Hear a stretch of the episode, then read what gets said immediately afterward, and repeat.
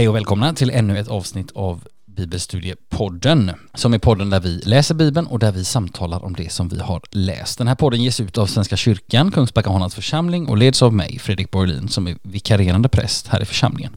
Vi har ganska nyligen slagit in på en ny väg här i podden, börjat med en ny bibelbok som vi ska läsa och samtala oss igenom och med på varje bit av den här resan så att säga så kommer det finnas en gäst, minst en gäst, vilket är mycket roligt för att inte säga alldeles nödvändigt. Och i dagens avsnitt så har jag glädjen att hälsa en kollega välkommen tillbaka. Roligt att se dig här igen, Henny Forsberg. Tack så mycket.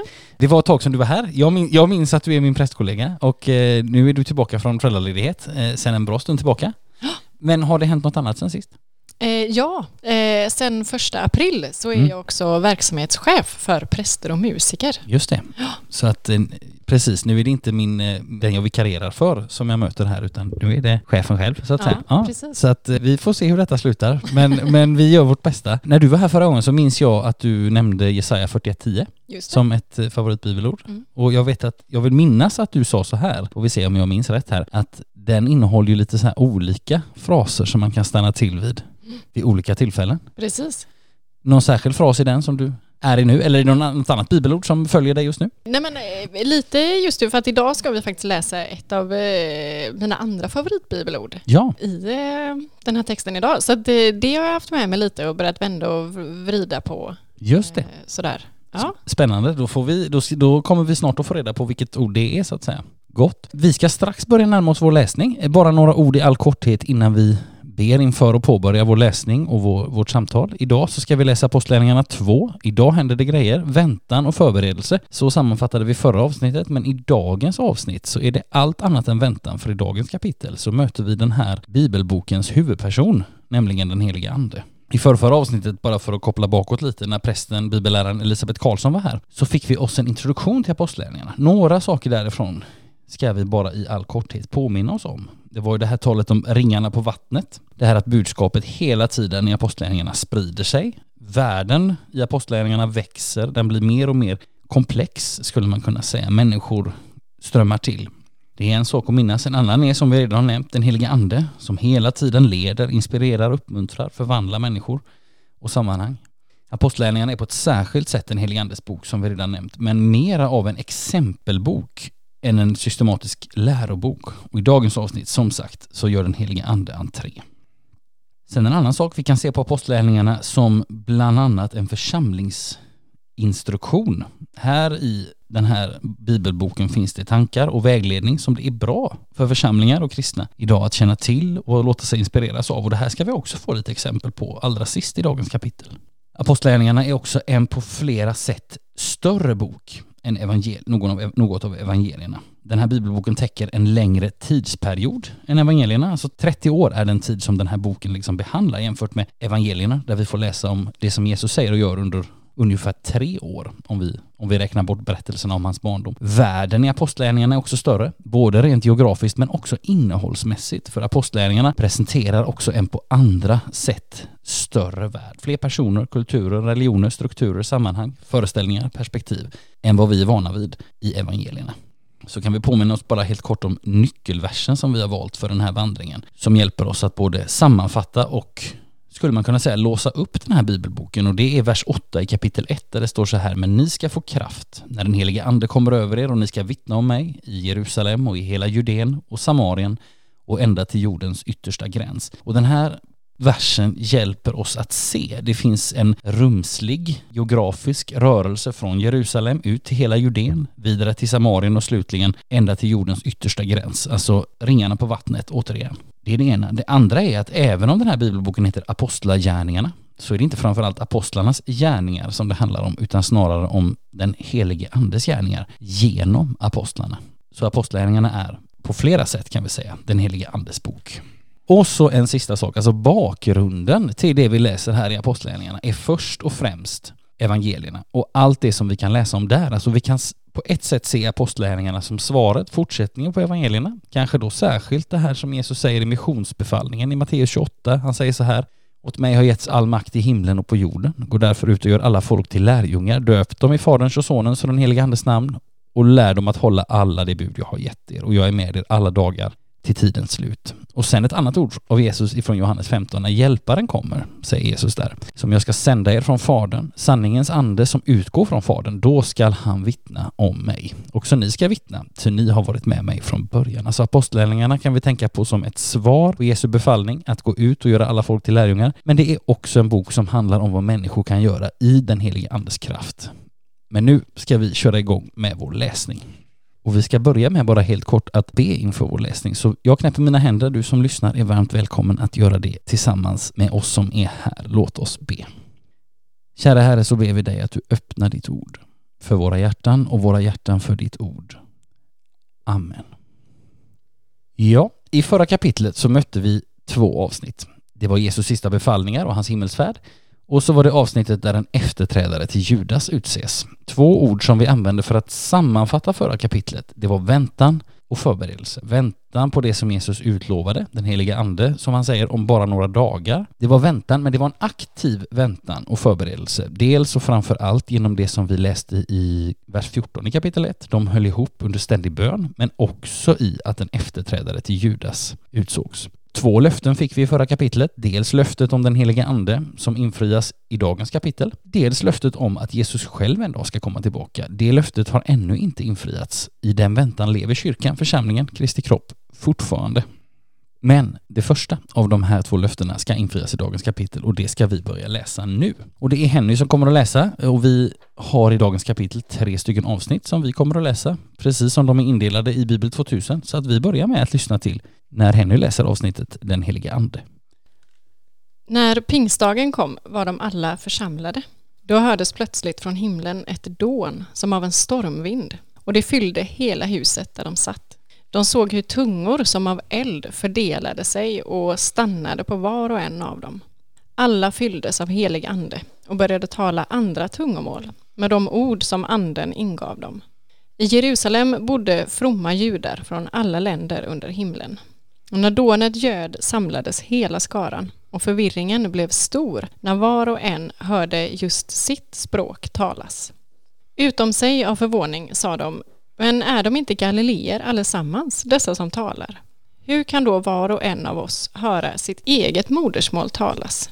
Vi är parter, meder, elamiter. Vi kommer från Mesopotamien, Judeen och Kappadokien. Från Pontus och Asien, från Frygien och Pamfylien från Egypten och trakten kring Kyrene i Libyen.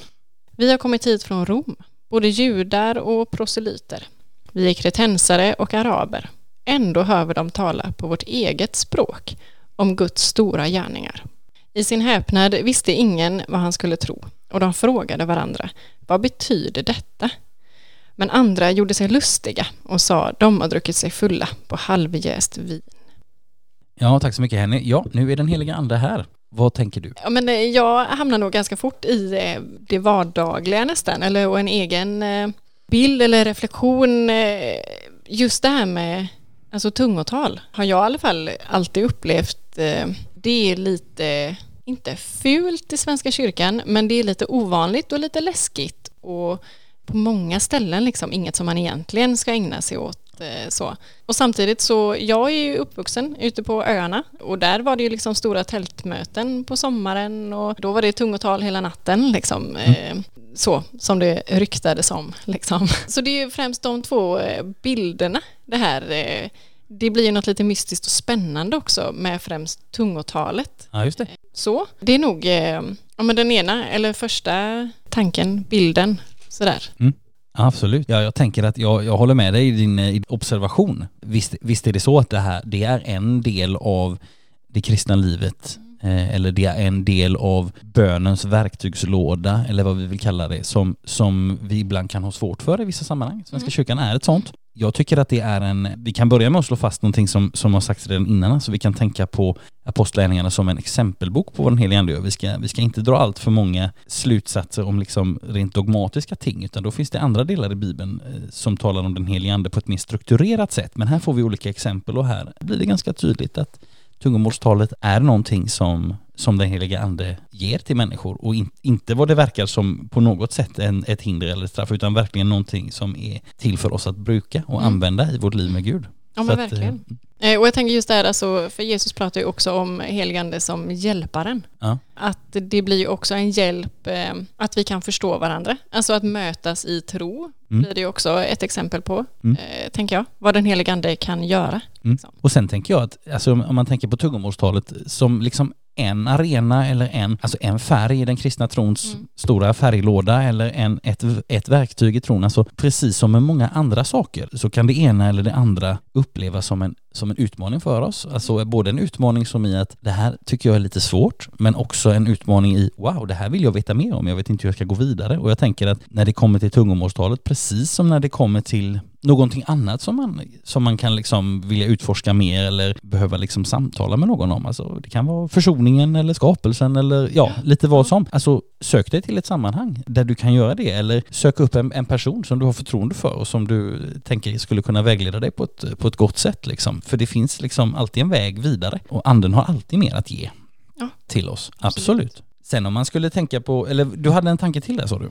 Jo, men eh, och då eh, är det kanske mer som rör eh, texten som sådan, det här Ja. uppräknandet. Liksom. Det. Och vad det då kan stå för. Liksom. Mm. Där jag tänker, i mitt huvud så blir det det här att ja, är det här verkligen ursprungligt i texten? Sa de så här? De räknade upp alla de här språken och länderna och sådär. Mm. Eller är, finns det med för att visa på just hur stor världen hade blivit för dem och hur Mm. också Guds, ja men budskapet om Jesus, att det skulle spridas så här vitt och brett liksom. Mm. Hur man använder de eh, delarna av texten. Mm. Jag tänker att det finns några nycklar här i, eller det finns några saker vi skulle kunna fundera kring som jag, som jag tänker skulle kunna vara i alla fall delvis svar på din fråga. Alltså det så kan man ju fundera så här, nu tänker vi att ja men det här är ju den första pingstdagen och, och anden kom, ja fast det var ju pingst. Precis som det var påsk när Jesus dör och uppstår och vi firar påsk så var det ju pingst här. Ja, redan, precis. redan innan anden kom liksom. Ja. För att det var den judiska pingsten, alltså Mm. det var Shavuot eller veckohögtiden, veckofesten som firas en vecka av veckor efter påsk. Precis som våran pingst firas en vecka av veckor, det vill säga 49 dagar efter påsk. Och vad kan man säga om den här festen, bara någonting kort som kanske kan tala in i den frågan du hade Henry? Ja, dels så var det, alltså det var en lite, kan man säga, det var en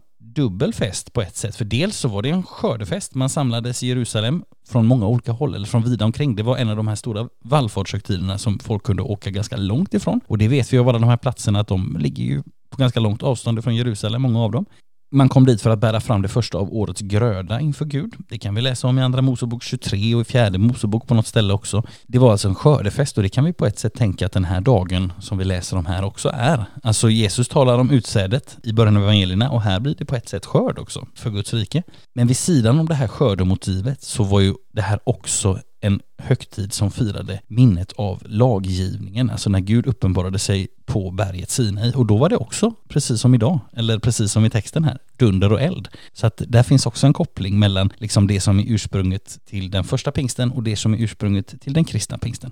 Men för att då säga någonting bara om alla de här platserna, vad, vad vill de säga oss? Jo, alltså de här platserna går ju att ta reda på var de ligger och nu är det ju väldigt svårt eftersom vi är i ett ljudmedium och så skulle man helst behöva visa på en karta. Men, men om man har en karta tillgänglig, du som lyssnar, eller så får man googla fram det på något sätt, så kommer man märka att här nämns platser i alla väderstreck från Jerusalem räknat. Alltså parter, det är ett namn, ja det är namnet på befolkningen i det gamla Partien, alltså nordöstra Iran om vi skulle säga något sådär va. Eh, Meder, det är också en forntida iransk folkgrupp som liksom är från det hållet, elamiter. Det är södra eller sydvästra Iran liksom på dagens karta och också öster om de här alltså forntida kulturerna som många känner till, alltså Mesopotamien, eh, tvåflodslandet, där man ibland brukar liksom tänka att civilisationen uppstår och där man ibland också placerat Edens lustgård och sådär. Så att det är också liksom mot öster från Jerusalem sett. Sen har vi Mesopotamien, landet mellan floderna, också österut. Och sen har vi Judeen, nämns också. Det södra landskapet i det heliga landet, alltså landet kring, runt om eh, Jerusalem. Sen nämns Kappadokien, som är en forntida region i det som är dagens Turkiet, mellan Svarta havskusten och Taurusbergen. Och sen så nämns ytterligare några platser, Pontos, Asien, Frygien, Pamfylien, också olika delar av dagens Turkiet. Sen förflyttar vi oss ner till Egypten och trakten kring Kyrene, alltså det är ju norra Afrika, så det är ju söder om. Och sen så är det Rom. Det vill säga rakt, eller inte rakt, men nästan rakt väster om.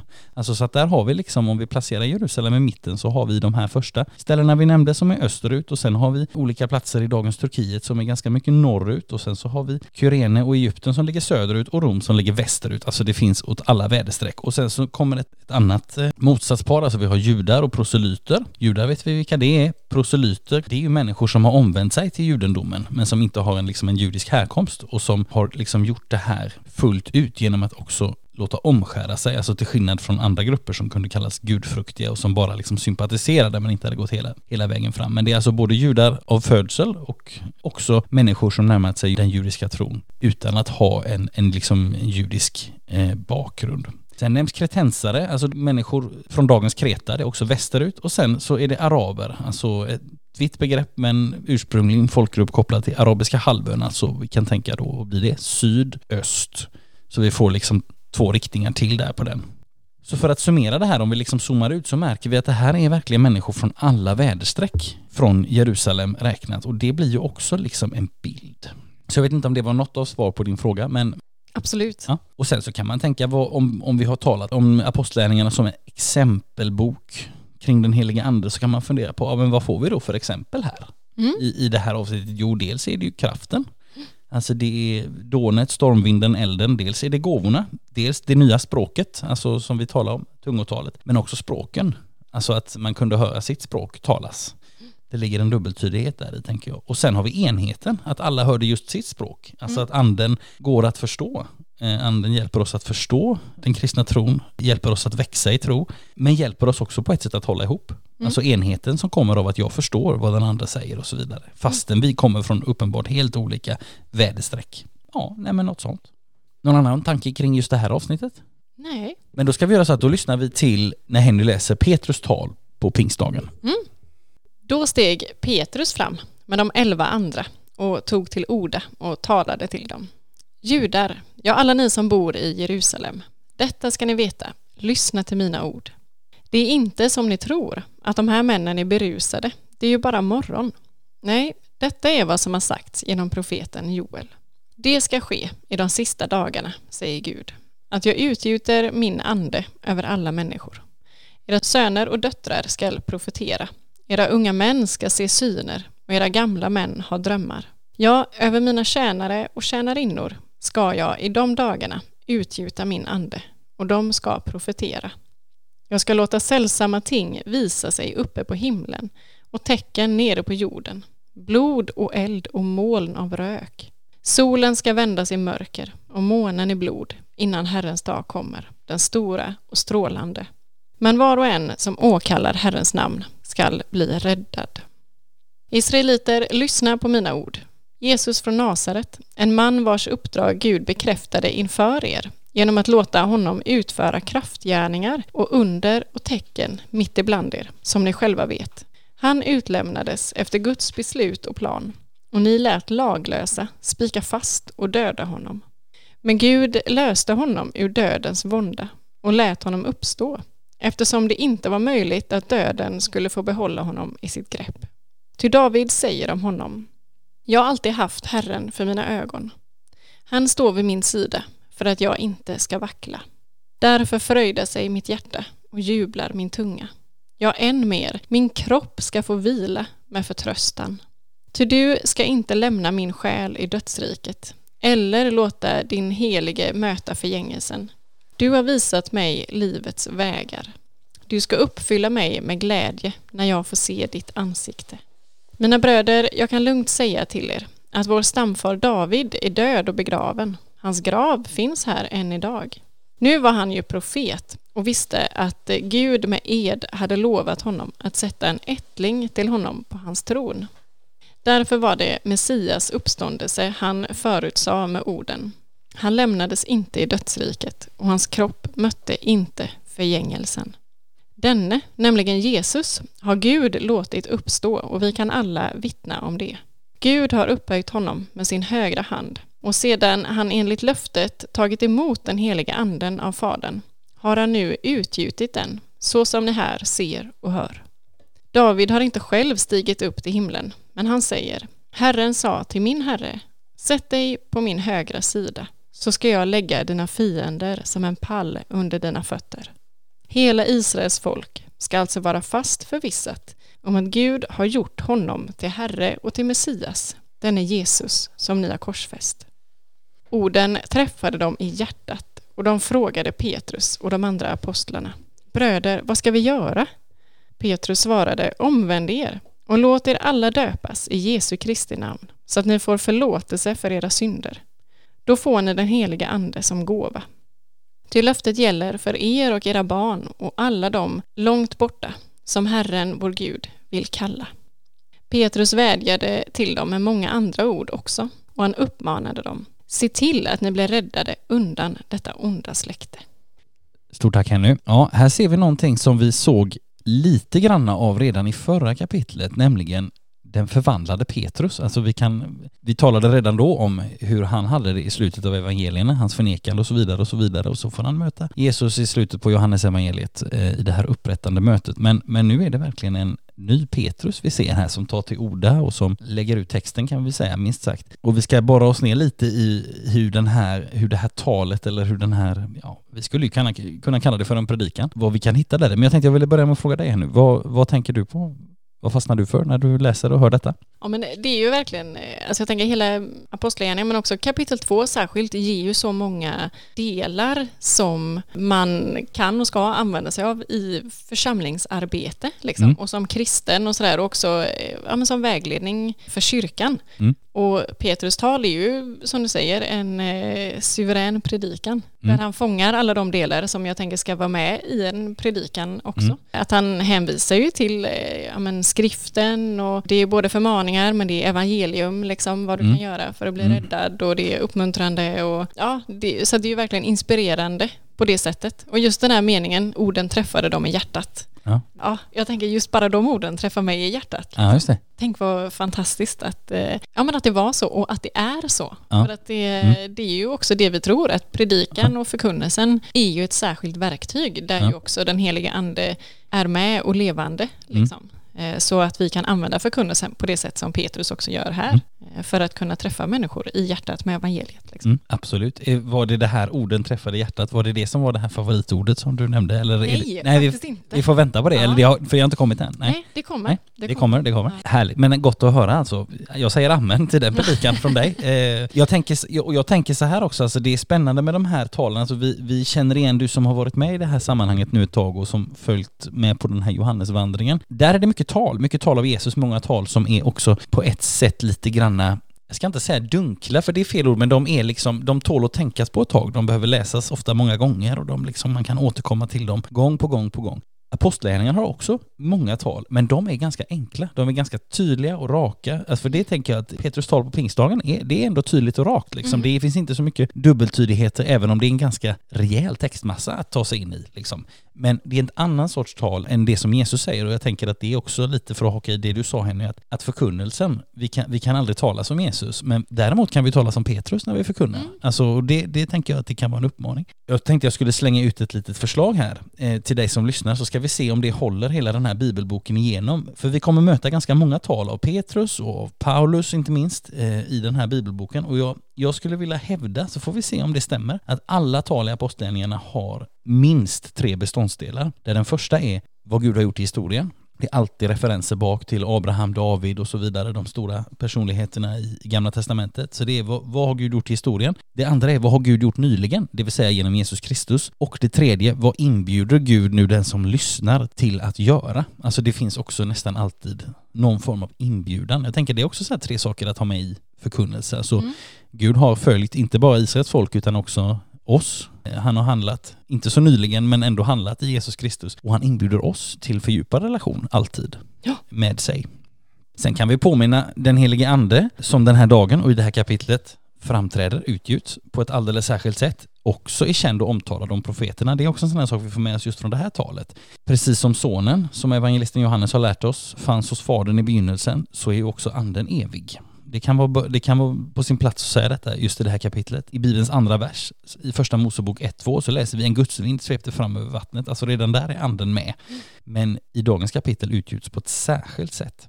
Om vi skulle göra så istället att vi går in lite mer i detalj på vad är det som Petrus lyfter fram. Alltså det är intressant att notera hur Petrus talar om Gud och om Jesus i det här talet så kan vi bara, vi kan, vi kan slå fast följande. Alltså Petrus börjar i Jesus från Nasaret, en man vars uppdrag Gud bekräftade. Och det kan man inte kalla för en högtravande inledning. Det är ganska, det är ganska grundläggande och det är ganska, alltså det är ganska nära. Man ska säga, det, det, det, det är ett enkelt sätt att börja på ett sätt. Och sen så talar Petrus om att Jesus utlämnades och dog i vers 23. Gud lät honom uppstå i vers 24. Jesus är en Davids ättling, vers 29-30. Han är Messias, vers 31. Jesus har tagit emot anden av Fadern och utgjutit den i vers 33. Han är Herre och Messias, vers 36. Och så de sista verserna, det här som vi nämnde för en stund sedan. En inbjudan. Människor inbjuds till att göra någonting när de har fått den här informationen som då också har träffat dem i hjärtat. Efter det här som vi läser i vers 37, att orden träffade dem i hjärtat, så så frågar de sig vad ska vi göra och då får de den här inbjudan och vad kan vi lära av den? Ja, det första är anden kommer till oss i dopet som en gåva, det vill säga av nåd. Visst säger Petrus att omvänd er och låt er alla döpas i Jesus, Jesu namn, så får ni förlåtelse för era synder. Då får ni den heliga ande som gåva. Det är fortfarande en nådegåva även om personerna i sammanhanget har gjort någonting. En annan sak som vi lär oss är att dopet sker en gång. Ytterligare något är att anden verkar och möter oss i omvändelsen till Gud, som bör ske varje dag. Dopet innebär förlåtelse, som vi också behöver varje dag, även om just dopet är ett. Och, står det, löftet gäller er och era barn, precis som den gammaltestamentliga förlagan till dopet, det vill säga omskärelsen. Gott. Något mer som du fastnar för i avsnittet här, Henny? Eh, nej men jag, jag, tänker nog just på det här att, eh, att det finns en inbjudan och en tydlighet också. Vad ska du göra nu då? Där jag tror att eh, vi som kyrka ibland glömmer bort eller tappar bort inbjudan. Ja, absolut. Eh, helt ärligt. Att eh, vi kanske att vi tror att den är så självklar eller mm. att eh, det låter så vi kanske tycker att det låter för radikalt eller för mycket eller sådär, säga mm. att men nu måste du omvända dig och döpa dig. Liksom. Mm. Det är det som är fortsättningen. Och om du då redan är döpt, att vi verkligen trycker på men då omvändelse. Mm. Liksom. Mm. Och att leva i dopet igen. Ja, det är det jag tänker. Jag tror att vi kanske gärna glömmer inbjudan. Mm. Jag vet, jag läste någon, eh, om det var i Kyrkans Tidning eller Dagen, men där det var en eh, rubrik, eh, någon press som sa just det här att, att människor inte bara, att man kommer till kyrkan och så får man höra att man är värdefull och inget mer. Nej. Och att ta fasta på det, ja du är värdefull och sen då? Mm. Det måste finnas ett sen då. Ja. Att våga ha med det också, mm. för annars blir det så väldigt platt. Jag kan föra att jag är värdefull när jag handlar på Lindex, liksom, för att ja. det tycker de också. Ja. Men att vi måste betona att det här är en annan typ av eh, löfte, gåva, värdefull. Mm. Liksom. Ja, och jag tänker att djupast sett så är det ju för att det här som precis efter orden som du fastnade för, det vill säga orden träffade dem i hjärtat och de frågade Petrus och de andra apostlarna, bröder vad ska vi göra? Det tror jag är en fråga som många människor har, men mm. som vi inte alltid svarar på. Absolut. Ibland så kan man tänka så här om man i förkunnelsen tänker på tillämpning oftast. För mig, för min egen del kan det ofta bli att liksom uppmuntra till bönelivet, bibelläsningen, liksom sådana här saker. Men, men att man också skulle våga använda gudstjänsten och liksom predikan och kanske liksom slutet av predikan till att också ja, men våga ta ut svängarna lite mer. Att, att säga att låt oss, liksom, låt oss överlåta oss på nytt eller liksom på, något, alltså på något sätt mm. verkligen göra, försöka göra det till en del av både vårt eget liv men också församlingens liv. Liksom att, ja men vad ska vi göra? Ja men låt oss till exempel göra detta. Liksom. Ja, eh, och då är utgångspunkten ut, utmärkt här. Mm. Omvänd dig. Och om du inte är döpt, bli döpt. Ja, precis. Gott. Jag sa för en ganska lång stund sedan nu att i dagens avsnitt så får vi också ett exempel på det här att apostlärningarna också är en församlingsinstruktion på något sätt eller sådär innehåller en hel del både tankar och reflektioner kring vad det är att leva som kristna tillsammans och det får vi nu i det avsnitt som vi nu ska läsa, det sista i dagens kapitel som har överskriften, i alla fall i min bibel, de troendes gemenskap. De som tog till sig hans ord lät döpa sig och den dagen ökade de troendes antal med inemot 3000. Och de deltog troget i apostlarnas undervisning och den inbördes hjälpen, i brödbrytandet och bönerna. Alla människor bävade. Många under och tecken gjordes genom apostlarna. De troende fortsatte att samlas och hade allting gemensamt. De sålde allt vad de ägde och hade och delade ut åt alla efter vars och ens behov. De höll samman och möttes varje dag troget i templet. Och i hemmen bröt de brödet och höll måltid med varandra i jublande uppriktig glädje. De prisade Gud och var omtyckta av hela folket. Och Herren lät var dag nya människor bli frälsta och förena sig med dem. Tack så mycket. Ja, här får vi lite församlingsinstruktion eller vad vi nu ska kalla det. Det låter hopplöst oromantiskt men det är det det handlar om här. Alltså vad, eller i alla fall församlingsundervisning kanske är ett bättre uttryck. Något särskilt som du fastnar för här ännu i de här verserna? Ja men det här är ju eh, ett av mina favoritavsnitt. Eh, Ja. Eh, verkligen och där jag kanske också har jag tänkt nu använder olika delar som talar till mig vid olika tillfällen eller under åren liksom. Ja. Men som ju väcker, eh, i alla fall hos mig, väldigt mycket eh, längtan. Mm. Eh, och en längtan som, som ju jag tänker är just den längtan jag tror vi alla någonstans bär på efter de troendes gemenskap. Liksom. Ja. Och sen tror jag att i, vid olika tillfällen, kanske när jag var yngre, så eh, kanske det betyder mer det här att det var lite radikalt. De sålde allt de ägde och hade och delade ut åt alla Mm. och ägde allt gemensamt. Liksom. Mm.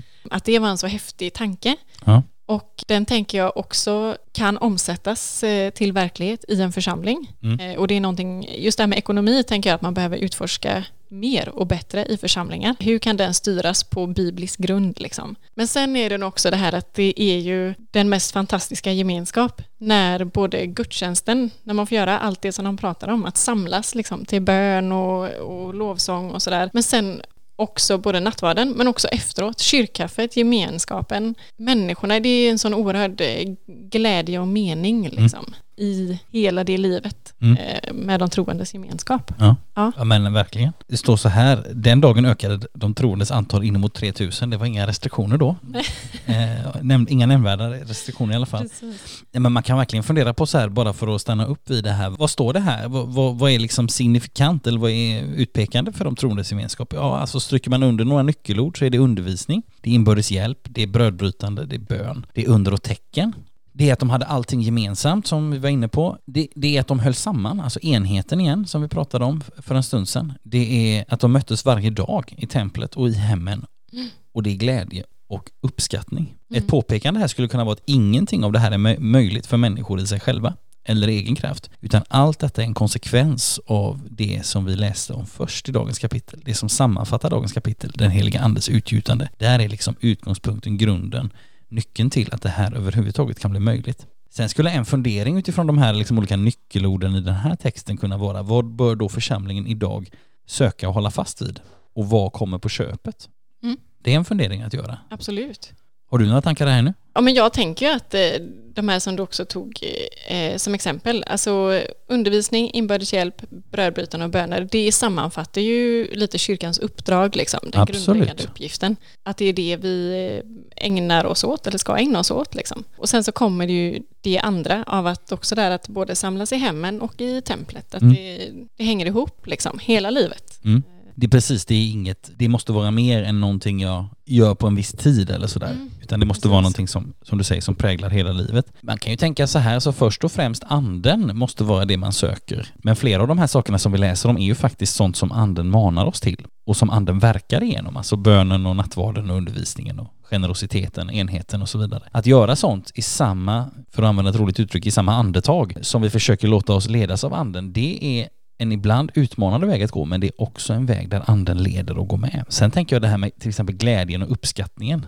Det ska vi inte främst söka, men jag tänker att den kommer vi få så småningom att få på köpet. Vi kan inte börja med att söka uppskattning, utan människors respekt och, och uppskattning och även glädjen ibland oss tänker jag att den kommer när anden kommer liksom. Mm. Så det, det är gott att tänka på. Något mer du tänker på? Kopplat till det här avsnittet eller dagens kapitel eller sådär? Eh, nej men då, då är det nog alltså det här ekonomiska. För Ja. jag tänker att eh, det kanske ofta är någonting som vi kan eh, ducka lite för eller eh, inte prata så mycket om att, det, att pengar är något fult. Liksom. Mm. Men att det faktiskt det finns ju exempel på föreningar eller andra sammanhang, kristna sammanhang, där man har jobbat efter det här. Att man delar ut efter vars och ens behov.